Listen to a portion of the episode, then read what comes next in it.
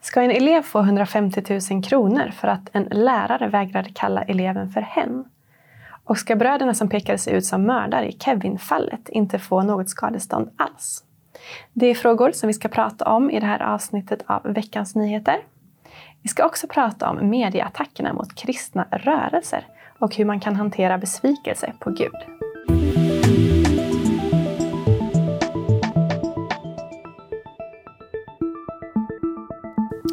Varmt välkomna till det här avsnittet av Veckans Nyheter med mig Sara Andersson och bibelläraren och ledarskribenten Sven Almqvist. Tack. Ja, vi ska börja med att prata om ett fall som vi har pratat om tidigare, nämligen den lärare som fick sparken efter att hon hade vägrat kalla en elev för hen. Nu har Diskrimineringsombudsmannen begärt att skolan ska betala 150 000 kronor i diskrimineringsersättning till eleven att inte använda det pronomen som eleven önskar, nämligen diskriminering, menar de. Vad säger du om det här? Alltså den grundläggande frågan här, tycker jag, är ju om det är vetenskapligt och biologiskt sant och förankrat och klart att det finns ett tredje icke-binärt kön. Och då är svaret nej. Det betyder att det här är en ideologisk fråga. Alltså, man har en ideologisk filosofi om detta. Vilket är helt okej, man, man får ju ha det. Men, så det, det, men om man kräver att jag måste ha samma uppfattning och även tala i termer av det, då, då, då har man ju gått för långt. Va? Och det, men vad som händer här är ju att om staten dessutom hotar mig att om inte du ljuger utifrån din världsbild så kommer du få böter. Ja, men då har vi klivit över någon form av gräns här. Mm. Så vad säger du om själva ersättningsbeloppet här då? Alltså, hade det varit en enda krona i skadestånd så hade jag tyckt det varit för högt. För att jag tycker det är helt fel att staten ska bestämma vad vi ska säga. Sen ska vi respektera andra människors uppfattningar om sin egen sexualitet och så vidare. Men det är en annan sak. Va? Här tar man det alldeles för långt. Jag menar, för en våldtäkt så tror jag det är ungefär 100 000 i ersättning. Eh, och för att någon säger fel pronomen är det 150. Så att en, ett fel pronomen kränker alltså mer än en våldtäkt. Jag menar, vad är detta mm. för... Mm. Men följer det och inte bara lagen? I lagen så står det att man inte får diskriminera någon på grund av könsöverskridande identitet, just vad man upplever sig som. Ja, men det handlar ju inte om diskriminering för att jag inte tvingas säga vissa pronomen eller säga vissa ord. Det är ju jag som blir kränkt. Det är ju jag som får uppleva en hot om eh, att om inte du ljuger så kommer du få böter. Så det är jag som blir kränkt, eller eh, som ifrågasätter min, min trosuppfattning. Mm. Så att eh, frågan är vem som blir kränkt här. Va? Mm. I det här fallet så handlar det inte främst om trosuppfattning utan den här läraren hon motiverar sitt agerande med att hon inte vill bidra till att barn skadas. Skulle hon använda det pronomet som barnet upplever sig som kan det leda till att barnet gör en könsoperation, ett ingrepp som sen inte kan ändras. Hon jämför med barn som har anorexia och säger att de själva är tjocka när de själva verkligen inte är det.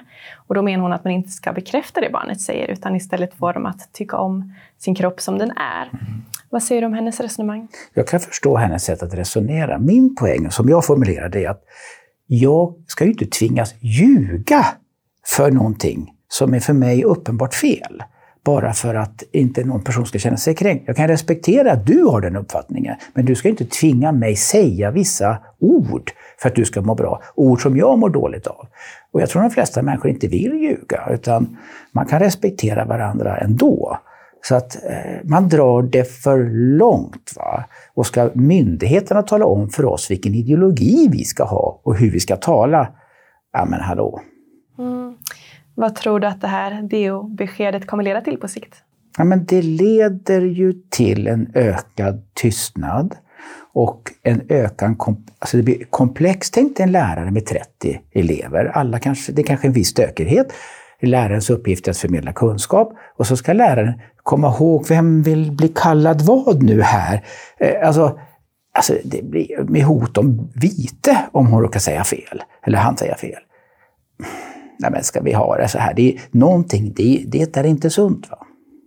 Mm. Vi får se hur det utvecklar sig framöver. Vi ska byta ämne. Mm. Och då handlar det om några som inte har fått skadestånd. Det handlar om bröderna som blev utpekade som mördare i Kevin-fallet. Mm. De här pojkarna var fem och sju år gamla när de satt i långa förhör och i princip pressades till att erkänna det här mordet. 20 år senare kom det en dokumentär och en granskning i Dagens Nyheter om fallet varpå de här bröderna friades helt från misstankarna. De begärde då skadestånd eftersom de tycker att de har fått stora delar av sina liv förstörda på grund av det här. År 2020 meddelade dock justitiekanslern, som ligger under regeringen, att de inte ska få någon statlig ersättning. Detta eftersom preskriptionstiden har gått ut. De har också begärt ersättning av Arvika kommun och nu meddelade de nyligen att de inte heller kommer få någon, något skadestånd av dem eftersom de anser att det var polisen som gjorde de stora felen och inte socialtjänsten. Mm. Arvika kommun har också gett en ursäkt till bröderna som de just har accepterat och de hoppas nu att de ska få så kallad ersättning av nåd av staten, alltså mm. även om preskriptionstiden har gått ut. Vad säger du om det här fallet? Jag tycker det är, det är nog höjden av någon form av snålhet. Jag vet inte hur jag ska uttrycka det, va? därför att eh, jag tror folk reagerar på att höra detta. Det kan hända att man har följt regelverket. Preskriptionstider har gått ut och, och det var polisen som kontra socialnämnden där man hittar förklaringsmodeller. Men här hoppas jag ju ändå att då av nåd eh, man ger ett skadestånd här. Va? Eh, med tanke på den förra eh, frågan du hade uppe, någon känner sig kränkt över ett felpronomen för 150 000. Det här är ju lång tid, i 20 år ungefär. Ja, men det är ju någonstans moraliskt fel alltså, att inte kunna ge en ersättning här. Mm. En annan aspekt av det här fallet som varit uppe i veckan är att kriminologiprofessorn Leif GW Persson har sagt att han tror att han vet vem som är mördaren. Han menar att det är troligt att det handlar om en 13-årig flyktingpojke som senare greps på bar gärning då han våldtog en treåring i just det här området. Mm. Och den här pojken gick man aldrig till botten med i utredningen. Och en anledning till det är enligt Leif GW Persson att det här var en känslig fråga då eftersom det var valår och att det här skulle kunna påverka den invandringspolitiska debatten. Expressen har också avslöjat att regeringen hade kontakt med polisen angående den här utredningen just fram till valet. Mm. Vad säger du om det här?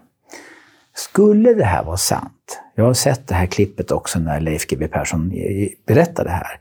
Skulle det vara sant så, och det också skulle finnas en rikspolitisk, då från regering, socialdemokratisk regering, någon form av påverkan av en mordutredning, då är det en, det är en praktskandal. Alltså jag kan ju inte bedöma det. Va? Men alltså, skulle det vara det, då det, det, det är verkligen häpnadsväckande så, för det är jätteallvarligt. Så att jag tror väl att det kommer fortsätta så och undersökas detta.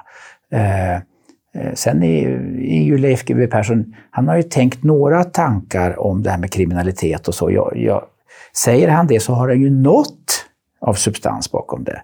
Men jag kan bara säga, man slutar ju inte bli häpen eh, i det här landet alltså. Men låt oss, låt oss hoppas att vi hittar sanningen. Vi ska byta ämne. Mm. Och då handlar det om hur medier skildrar kristna och kyrkor. Mm. I dagarna har SVT sänt en serie där församlingen Hillsong granskas mm. kritiskt. SVT har också börjat sända en serie där personer som har skadats av uppväxt i religiösa hem kliver mm. fram. Mm. Samtidigt har kulturskribenten Andres Locco skrivit kritiskt om Hillsongs musik och KD-ledaren Ebba Busch anklagas för samröre med sekter på grund av mm. att hon har gått till Livets Ords kristna skola och gått till Hillsong. Samtidigt kommer det ständigt nya dokumentärer om Knutby. Mm. Varför tror du att svenska medier tycks vara så besatta av att hitta negativa aspekter av kristen tro? Alltså, jag tror ju att man med rätta ska undersöka alla former av offentliga samlingar och kyrkor och organisationer av olika slag. Så det är ju inte fel. Va? Och den som är den dominerande trosuppfattningen i kyrka då ska ju granskas mer naturligtvis utifrån en form av maktposition. Så det i sig är inte fel, tycker inte jag. Sen blir man ju förundrad många gånger, eh, eftersom jag själv är aktiv i kyrka, va? att man tycker ju att journalisten, journalisterna ibland har någon form av agenda. Och jag menar, det är klart, har man kanske en, säger inte att alla är det, men man har en marxistisk ideologi och kanske på något sätt avskyr kristen tro och, och så, så, så, så, hittar man ju det man vill hitta. Va? Eh, eh, så, så eh, jag tycker ibland att man inte får den hela bilden. Jag brukar ibland ha en, en bild om du tänker dig sanningen som en meter, det här är faktiskt hela sanningen, en meter. 95 procent av, det är jättefantastiskt verksamhet, men 5 procent kan man kanske ifrågasätta lite, det är lite gråzonsaktigt. Om jag bara som, som journalist bara fokuserar de här 5 procenten och sen presenterar det för en okunnig person som inte kan, då får ju den personen uppfattningen att allt är grått det blir, även om det kan vara sant vissa moment, så blir allt nästan grått. Va? Mm. Men det är inte viktigt att granska det grå, det kan ju till och med vara svart. Liksom. Det kan ju vara väldigt tragiska Absolut, exempel. och det ska man granska, men man måste sätta in det i ett större sammanhang. Om jag skulle undersöka SSU, Moderaternas ungdomsförbund, varenda organisation, ja, men du hittar fel överallt alltså. Mm. Ja, men så är det, och det, det ska undersökas. Men vi gör det lite för easy här tycker jag ibland. Att, att det blir lite någon form av vinkling här, och speciellt mot kristna kyrkor tycker jag. Mm. Vad skulle du vilja se för rapportering då? jag skulle vilja se en lite större bredd och fördjupning av det. Sen har jag ju en teori va, som, som jag ändå vill nämna om. Jag tycker att Eh, ingen vill ju vara främlingsfientlig eller ha en islamofobisk syn här. Vi har en viss försiktighet i att titta på kanske muslimska friskolor eller muslimska eh, organisationer. För just att det är så, det, är så hett ämne i Sverige. Eh, och grävande journalister vill jag kanske ändå börja gräva i det.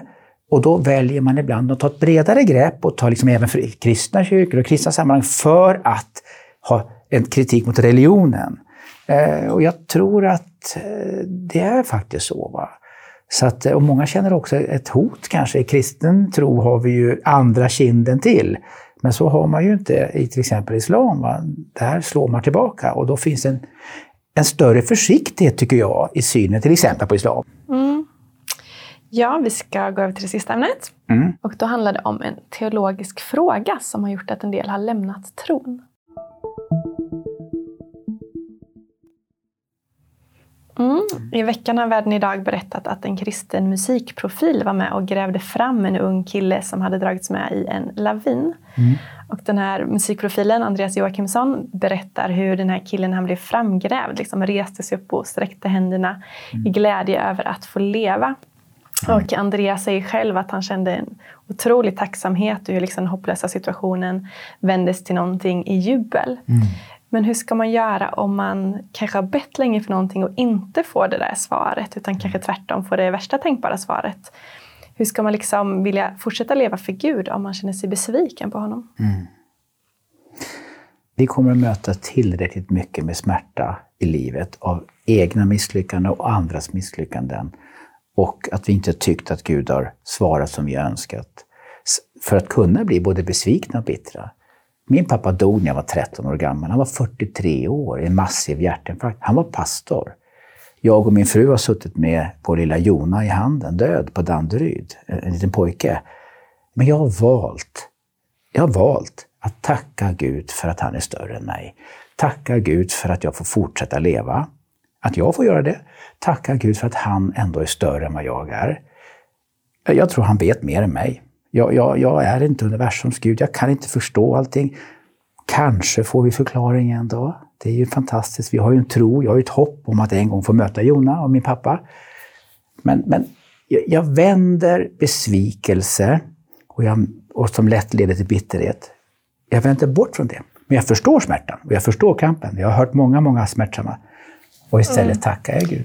Men kände du inte något besviken på Gud i de här situationerna? Jag kände mig ledsen, självklart.